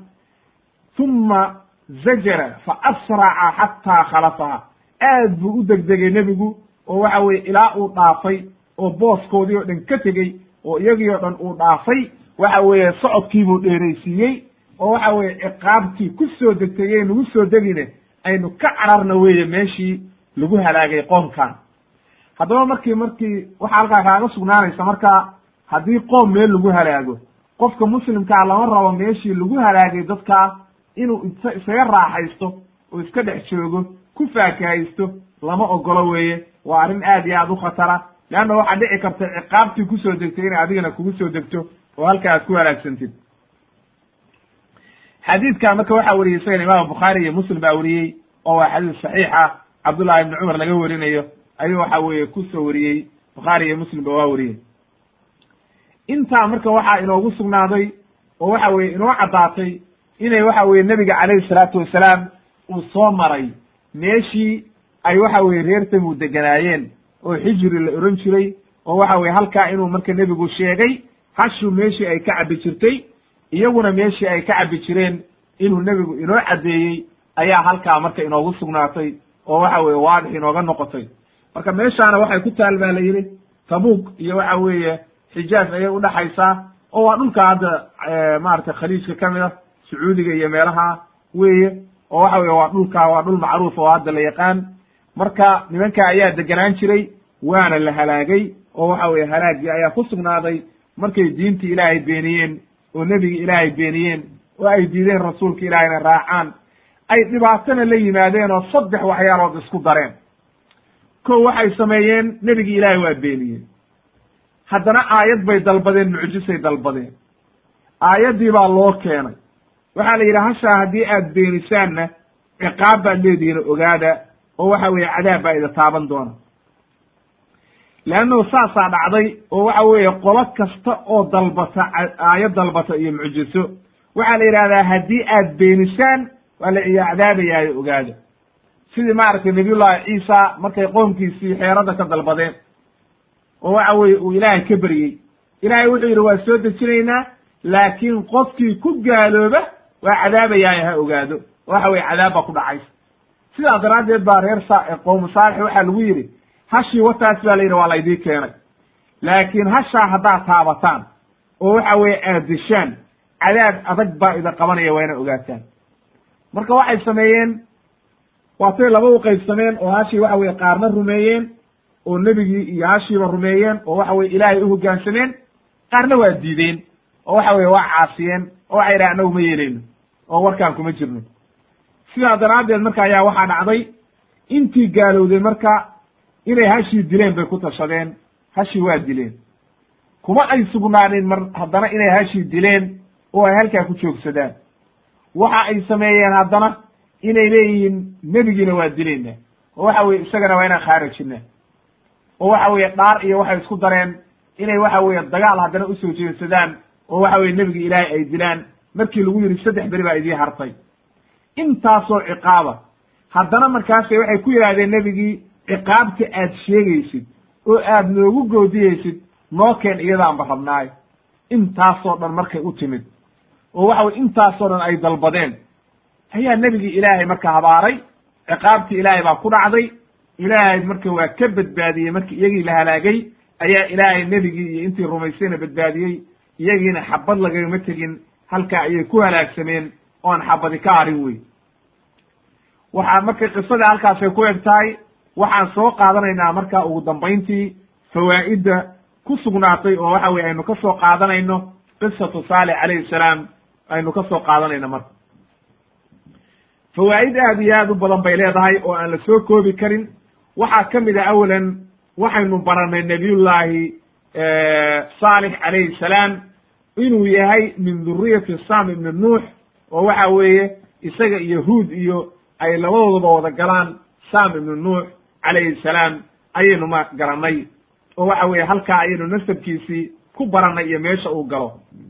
Qabiiladiisana waxaa la ohan jiray thamuud oo waxay ahaayeen dadka carabta oo waxa weye asalkii carabnimadu ay ka timid ayay ahaayeen meesha ayay deganaayeen la yidhahdo xijir bayna alxijaaz wa tabuuk waa meel caana oo macruufa wey waxaynu kaloo ka faa'ideynaa inay ahaayeen bacda qowmi caadin inay ahaayeen. Oo waxa weeye caad inay ka dembeeyeen reer caad. Inay ka dembeeyeen qowmu huud inay ka dembeeyeen ayaynu ka garannay qisadan oo ka faa'ideyna oo waadix inoo ah. Leannahu meel walba aayadaha qur'aanka ah waxaynu u deliishanaynaa inay ka dembeeyeen qur'aanka meel walba ilaahay markuu ka hadlo qowmu nuux waxa uu ku xijiyaa reer huud. Qowmu huud buu ku xijiyaa. Qowmu huud marki uu dhameeyo qowmu saalix buu ku xijiya qowmu saalix markuu ilaahay dhameeyo ayuu wuxuu ku xijiyaa markaa haddana maaragtay shucayb iyo waxa weeye reer maaragtay madyan iyo ayuu ilaahay ku xijiya halkaa marka waxaynu ka garannay inay ka dembeeyeen reer caad oo waxa weye ay ka dembeeyeen waxaa qisadan inoogu sugnaato inoo caddaatay nimankaa la yidhaahdo thamuud inay caabudi jireen sanamyada oo waxa weye niman mushrikiina ay ahaayeen fabacata allahu fiihim rajula minhum wa huwa saalix calayhi salaam inay sanam caabudi jireen oo shirki ay galeen ayaa inoo caddaatay marka halkaa waxaynu ka faa'iideynaa mafsadada iyo dhibaatada ay leedahay shirkigu leanno qoom walba markii ay shirki sameeyaan oo waxa weeye ay dulmi galaan oo ilaahay ay aamini waayaan oo waxa weeye sanamyadii raacaan ayaa la halaagaa oo waxa weeye halaaggii ilaahay u yimaadaa oo waxa weye ilaahay halaagaa markaa haddaba shirkiga in la iska ilaaliyo oo qabuuraha laga digtoonaado oo waxa weeye aad iyo aad la iskaga ilaaliyo ayaa qof walba oo muslim lagud la gudboon oo waxa weye aad iyo aad looga digtoonaado waxaynu kaloo ka faa'iideynaa nabiyullaahi saalix calayhi salaam inuu dariiq walba u maray dacwadii oo aad iyo aad dacwadii u gaarsiiyey oo shirkigii ka naayey laakiin inay ka diideen oo ku taamilo qaadan waayeen oo ka yeeli waayeen ayaa inooga caddaatay oo waxa weeye ay diideen inay ka tagaan sanamyadii. Ayna ugu jawaabeen oo yidhaahdeen qaaluu yaa saalixu qad kunta fiina marjuwan qabla haada. Hadda ka hor nin fiican baan ku moodeynay laakiin waxa weeye iminka waxaad noqotay nin xun oo ma waxaa nin xun noqday markii aan xaqaydii ku yeeray markii horena nin fiican baan ahaa waa arrin aad iyo aad lala yaabo wey oo cajiiba wey nin markii uu xaqii dadka ugu yeeranaya nin xun noqday markii hore uunan xaqa dadka ugu yeerayna nin fiican buu ahaa bay leeyihiin. Leanno sababtu waxa weeye shirkigooda iyo waxooda ay ku dhex jireen bay waxay diidayaan in laga hadlo. Xumaanteeda maxaa naloo sheeg sheegayaa wey oo xumaanteeda maad noo daysid oo faraha ka qaaddi wey dadkeenna maanta joogana waa nooca.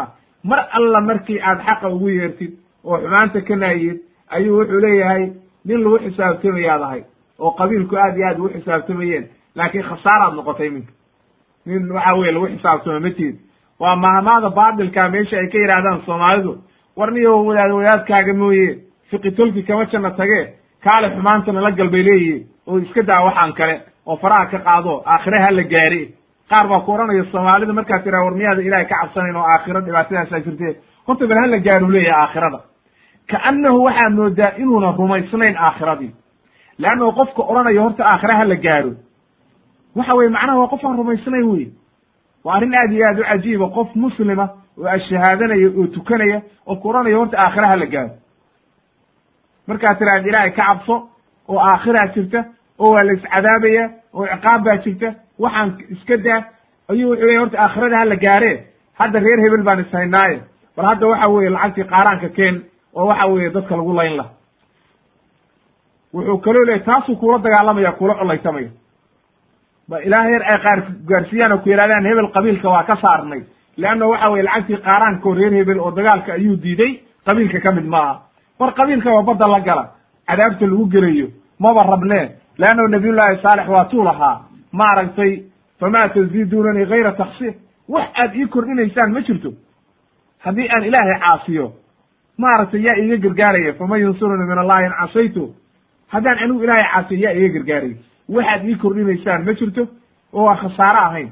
Marka qabiilka naarta lagu gelayo waxa weeye qof walba muslima inuu beri ka noqdo oo banaanka ka mara ayaa habboon oo waxa weeye uu iska badaayoba oo yidhaahdo war waxba iima haysaan orda iga taga.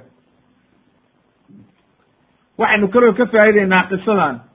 Nabiyullaahi saalex calayhi salaam markuu ugu yeeray iimaankii qaarna waa rumeeyeen qaarna waa diideen. Marka qiib baa rumaysay waana taynu soo marnay laakiin agsarkooda intii badnayd waa gaaloobeen. Marka intii rumaysay waxaa laynooga tilmaamay ninkii la odhan jiray jundac oo waxa weeye aad iyo aad ugu yeeray dadkii dacwada oo nin madaxana ahaa oo dadku jeclaayeen oo waxa weeye laakiin maca alasafi shadiid intii madaxda ahayd oo kale way gaaloobeen oo waxa weye nebigi ilaahay bay la dagaalameen. Agsarkoodii marka markay gaaloobeen ayay nebigiina waxay isku dayeen inay dhibaato kasta gaarsiiyaan oo waxa weeye haddee dhaqankoodaaba noocaasa. Waxa weeye mar alla markii gaaladii ay gaalnimadii ku caddaato ayay haddana waxay isku dayayaan inay markaa haddana ay maaragtay dadkii muslimiintaa dhibaan oo mashaakil ku sameeyaan oo waxa weeye nebigii ay dhibaan oo waxa weeye ayna u hoggaansamen xaqii ayay markaa haddana aad iyo aad isugu dayayaan. Waxaynu kaloo ka faa'ideynaa oo qisadan inooga caddaatay nabiyullaahi saalex calayhi salaam inuu dacwadii ka bilaabay altawxiid tawxiidki ilaahay buu ka bilaabay. Leanno meel walba waxa uu leeyahay yaa qowmi icbudullaha maa lakum min ilaahin gayru meel walba wa haakada kulu lambiya nebiyadoo dhanna saasay ahaayeen. Wa hada yadullu ahmiyat atawxiid ahmiyada iyo wanaagga uu leeyahay tawxiidku ayuu kutusayaa in wax walba laga hormarinayo. Haddaba waxaa habboon likulli daaciya. Daaci kasta waxaa habboon an yabda'a bitawxiid bidacwatihi tawxiidka inuu ka bilaabo oo dadka tawxiidka iyo caqiidada ka dhiso ayaa habboon weeye oo aad iyo aad loogu baahan yahay. Waxaynu kaloo ka leanna waxa weeye sababtu waxaynu nidhi haddii qofka tawxiidku hagaago oo waxa weeye asalku waa tawxiidka marka tawxiidki hadduu hagaago waa kelimadii dayibka ahayd oo ilaahay uu ku tusaaleeyey kelimatin dayiba ka shajaratin dayibatin asluhaa haabit wa farcuhaa fi samaa. Marka waxa weeye haddii qofku uu la yimaado kelimatu tawxiid oo tawxiidkii uu sugo oo caqiidadiisii hagaagto hadda markaa waxaa hagaagaya oo qofkii uu wanaagoo helayaa waxa weeye acmaashiisii oo dhan baa hagaagaysa. Haddaba marka si acmaashii u hagaagto baa waxaa la rabaa horta qofku marka hore tawxiidkii inuu sugo. Oo waxa weeye uu tawxiidkii ku sugnaado ayaa la rabaa. Hadduu marka tawxiidkii uu wanaagsanaado acmaashii kale waa hagaagaysaa leannahu midna waa asal midna waa farac. Acmaashu waa farcii wey laakiin asalku waa tawxiidka iyo caqiidada wey haddii marka tawxiidkii hagaago farci way hagaagayaan markaa oo waa mirihii tawxiidka weeye acmaashu. Waxaa kaloo inooga sugnaatay oo aynu ka faa'ideynaa qisadan nabiyullahi saalix calayhi salaam xadara ummatahu bikufri nicmat illah nicam illah. Nicmada ilaahay in lagu kufriyo ayuu uga digey oo wuxuu amray daacada ilaahay inay qaataan wuxuuna kaloo ka nahiyey idaacatu ahli lmacaasi in nicmadii ilaahay lagu kufriyena wuu ka digey in waxa weeye la adeeco dadka caasiga oo macaasida samaynayana hadeecininuu yidhi. Oo wuxuu ku yidhi waatuu ku lahaa maaragtay atutrakuuna fi ma haahuna aaminiin. Fi kul maaragtay ila qowlihi tacaala walaa tudiicuu amra almusrifiin aladiina yufsiduuna fi lardi walaa yuslixuun haddaba taas waxay kutusaysaa marka in qofku aad iyo aad uga digtoonaado qofka muslimkaa in nicmada ilaahay lagu kufriyo. Leanno nicmada ilaahay haddii aad ku kufridid waxay keenaysaa ciqaabti ilahay inay kugu soo degdegto. Inaan la adeecin dadka macsida iyo dhibaatada wada iyo fasahaadkana ayaa loo baahan yahy oo la iska ilaaliyo. Wataxdiiru canhum in la isaga digo oo la yidhaahdo war dadkaa dhibaatada wada iyo fitankaa adeecinina oo waxa weeye fitnada iska daaya maanta waxa laynagu halaagay haddaynu soomaali nahay waa fitnatu lqabiil wey fitnatu lqabyaala qabyaaladda iyo qurunka iyo waxaad la isku laynayo oo fitankaa in aad iyo aad looga degtoonaado ayaa habboon oo qofku uu banaanka ka maro. Waxaa inooga caddaatay oo kale oo faa'idada aynu ka soo qaadayno sideedaad waxa weeye. Nabiyullaahi saalix calayhi salaam wuxuu qoomkiisi ugu yeeray inay ilaahay u toobad keenaan hadday ilaahay u toobad keenaan oo rumeeyaan ilaahay inuu u dembi dhaafayo u ballan qaaday siduu ulahaa wastakfiruuhu fastakfiruuhu uma tuubuu ilayh ina rabbii raxiim ina rabbii qariibun mujiib. Ay macnaha wuxuu xusuusiyey oo uu tusay ahmiyadda iyo wanaagga ay leedahay altawbatu ila allah. Wa yenbagii likulli muslim an yatuuba ila allah.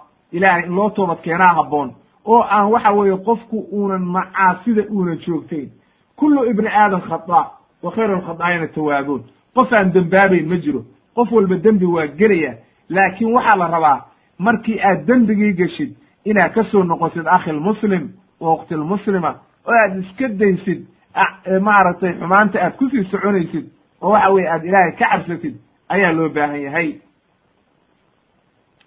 leannu macaasida oo la joogteeya waxay keentaa halaag iyo waxa weeye caradii ilaahay laakiin qofku hadduu inta dembi ku dhaco ilaahay u toobad keeno ilaahay waa ka toobad aqbalaya weye waxaynu kaloo ka faa'ideynaa faa'idada sagaalaad aynu ka soo qaadanayna waxa weeye bayaanu wuxuu inoo bayaanisay qisadaan inoo caddaysay sharka iyo dhibaatada ay leedahay taqliidu alaabaa'i walajdaad qiso walbana waa nooca dhibaatada ay leedahay in aabbayaashii iyo la taqliidiyo iyo dadkii horaan ka soo gaarnay mashaakilka ay leedahay ayaa halkaa ka garanaysa leannahu jawaabtooda oo dhan waxay ahayd nebiga ay ugu jawaabayeen atanhaana ma nacbud an nacbuda ma yacbudu aabaa'una wa inana la fii shakin mima tadcuuna ilayhi muriib ma waxaad naga nahiyeysaa wixii aabbayaashay ay samayn jireen inaan samayno aabbayaashay inaan raacno war aabbaha hadduu naar aaday oo waxa weeye meel daran uu waxa weye ku socday ma meel daran baad u raacaysa waxa weeye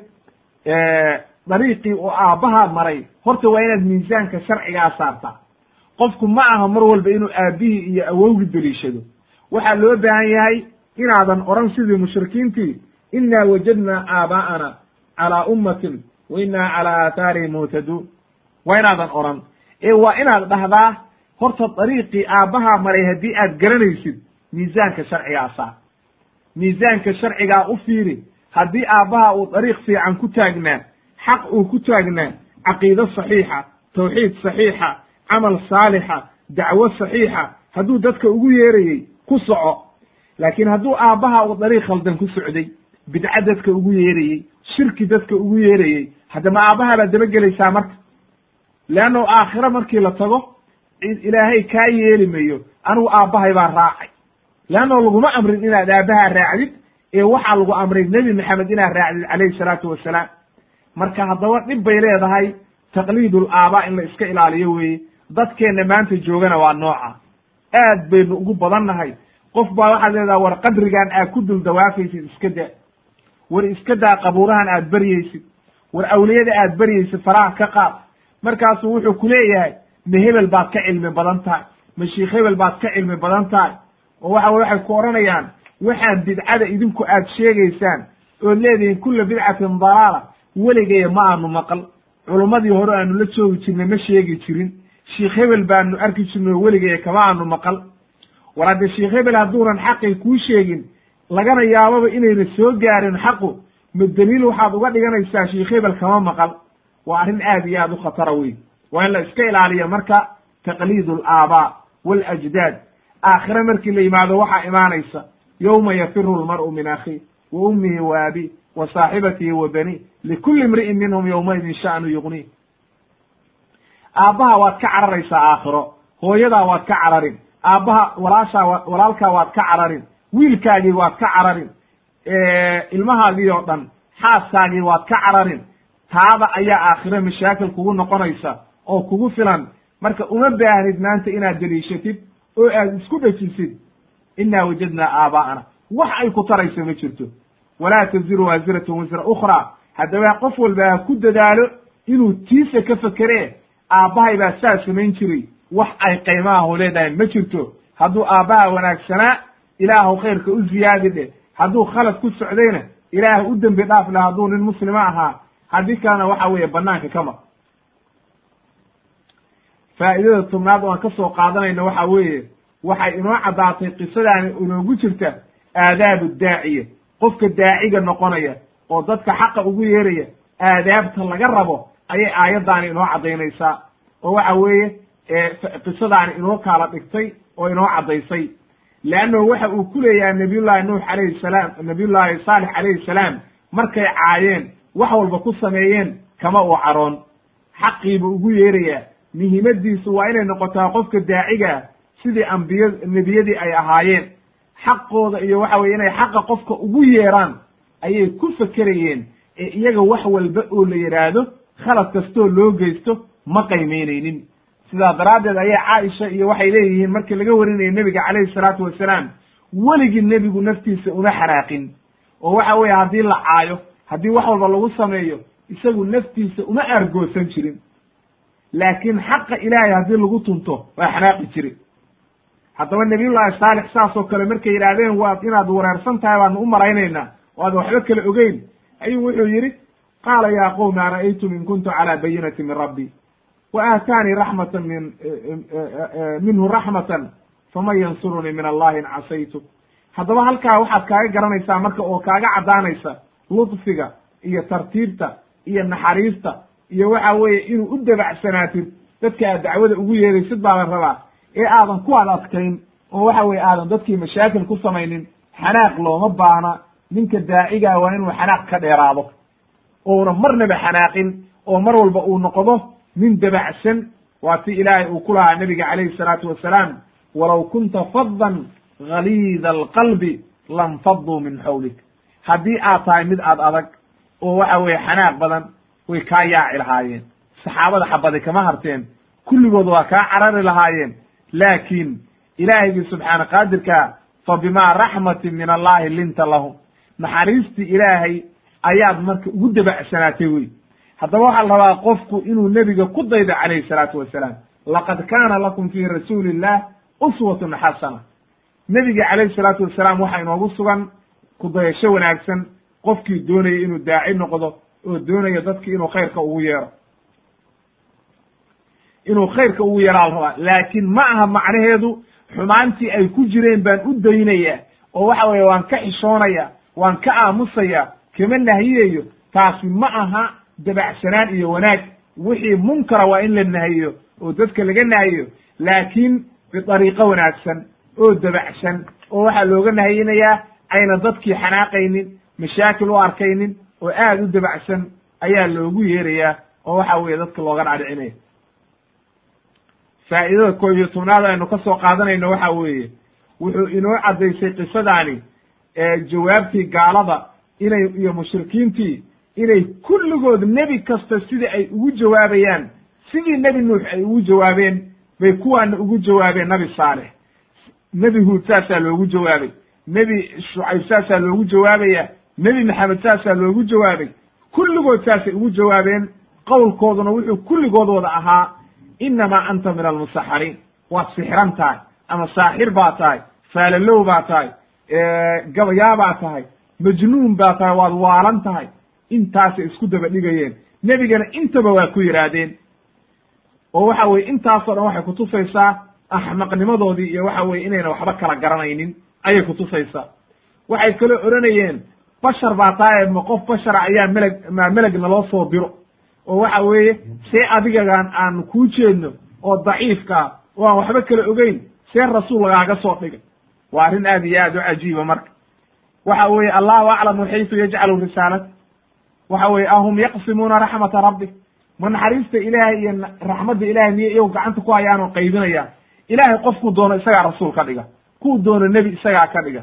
Kuu doono isagaa daaciye daaci ka dhiga. Qof walba ilaahay wuxuu la doono ayuunbuu siinayaa ilaahay baa laga baryaaye ma aha in waxa weeye qofkii lagu ceebeeyo see adigagaan aan kuu jeedno rasuul lagaaga dhigay.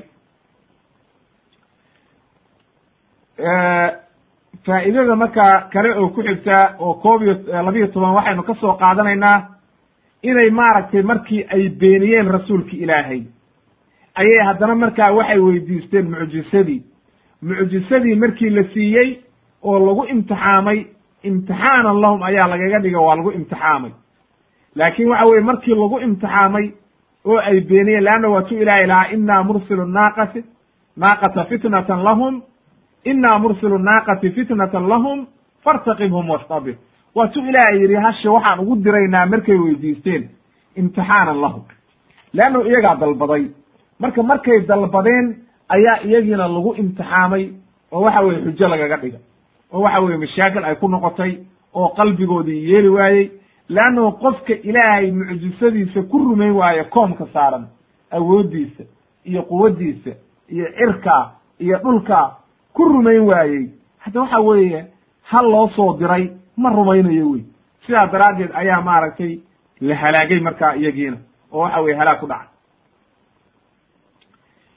Waxaynu ka qaadanaynaa midda saddexiyo tobnaad nabiyullaahi saalix calayhi salaam qoomkiisii inuu uga digay oo u caddeeyey oo yidhi war hashaa haddii aad taabataan deliil bay idii tahay. Oo waxa weeye deliil cad weeye oo waxa weeye aayad ii ah oo ida tusaysa inaan run sheegayo. Haddaad isku taabataanna ilaahay waa ida halaagaya. Ilaahaygi subxaana qaadirkaa waa ila waa ida halaagayaayo ogaada hashaa banaanka ka mara. Laakiin intay beeniyeen oo mucjisadaa beeniyeen ayay kibreen oo ku gaaloobeen siduu ilaahay u lahaa facaqaru naaqata wacatow can amri rabbihim. Way ku gaaloobeen marka. Markaasaa iyagiina la halaagay. Waxaynu kaloo ka qaadanaynaa markay dalbadeen iyagu ay hashii diideen oo waxa weye ay hashii dileen inay haddana cadaabkii dalbadeen. Oo waxa weye markaasay cadaabkii haddana dalbadeen. Oo yidhaahdeen yaa saalix itinaa bicadaab bima taciduna in kunta min almursaliin. Noo keen bay yidhahdeen haddana cadaabka. Marka maba rumaysnaba bal dadka la tusay oo dhagax halkaa buur dhagax saaran laga soo saaray hal nool oo waxa weeye dhalaysa oo waxa weye markay dhashana caanasaa u sii daynaysa oo rumayn waayey oo cadaabkii sii dalbanaya haddaba qom ilaahay halaag la maagay. Waxa weeye khatama allahu calaa quluubihim wey qalbigoodii ayaa ilaahay daboolay oo khayrba geli mayo. Siduu nebiga calayhi salatu salam xadiis saxiixa u lahaa qalbiyadu qofku markuu bilow aadmiga ahi uu dembi galo. Oo waxa weeye uu macaasi ku dhaco qalbigiisa ayaa waxaa lagu dhigaa bar madow. Bartaa madow markii lagu dhigo haddii uu ka toobad keeno waa laga tiraa oo waxa weye waa laga dhaqaa. Haddii uu ka toobad keeni waayo oo dembi kala galo bar kalaa lagu daraya. Ilaa waxa weeye ay dunuubtii inta ka badato qalbigiisii oo dhan uu daboolmo oo madoobaado sida waxa weeye waxa wax lagu karsado oo kale kirliga iyo oo kale oo madow intuu noqdo oo waxa weye aan xataa laa yacrifu macruufan walaa walaa yunkiru munkaran ilaa ma ushriba min hawa. Khayrba geli maya marka. Oo wax khayraba ay geli waayaan ilaa waxa weye wixii hawadiisu ay ogolaato mooye. Hawadiisa markaa raaca.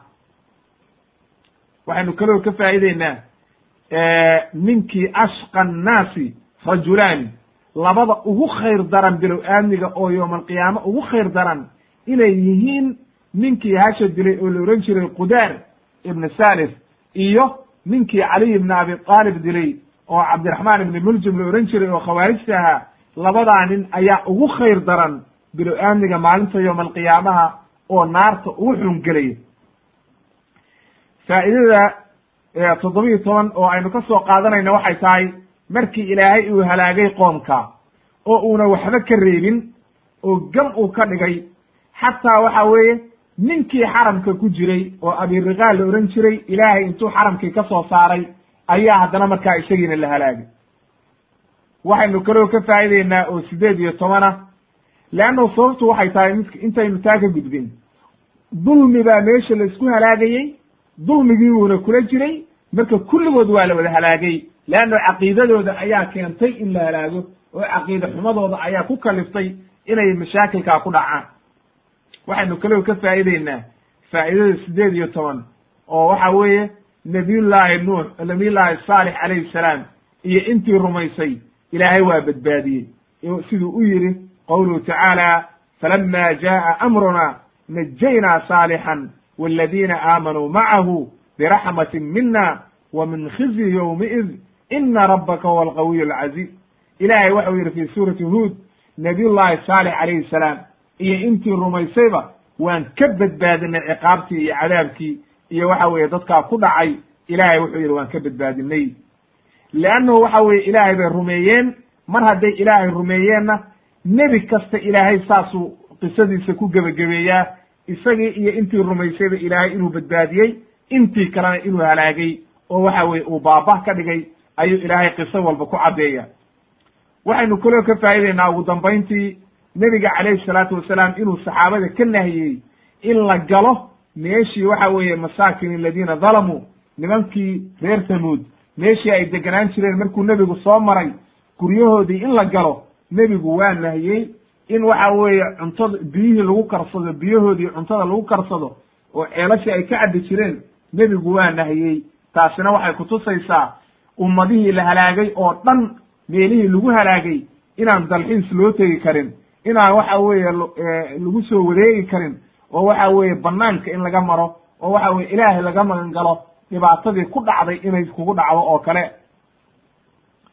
Wa akhiiran ugu dambayntii marka waxaa wanaagsan oo aad iyo aad u wanaagsan in lagu in lagu fekero qisaskan oo waxa weeye qiso walba inuu qofku markuu aad iyo aad ugu fekero kitaabka qur'aanka markuu akriyayna uu aad iyo aad u dhuuxo oo waxa weeye uu ku fekero dadka dhaalimiinta wixii halaagay iyo asbaabtii ay keensadeen oo aynu niri asal waxa u ahayd asbaabta alkufru walmacaasi shirki iyo kufri iyo gaalnimo iyo macsi inay asal u ahayd ayaynu waxa weeye caddaynay.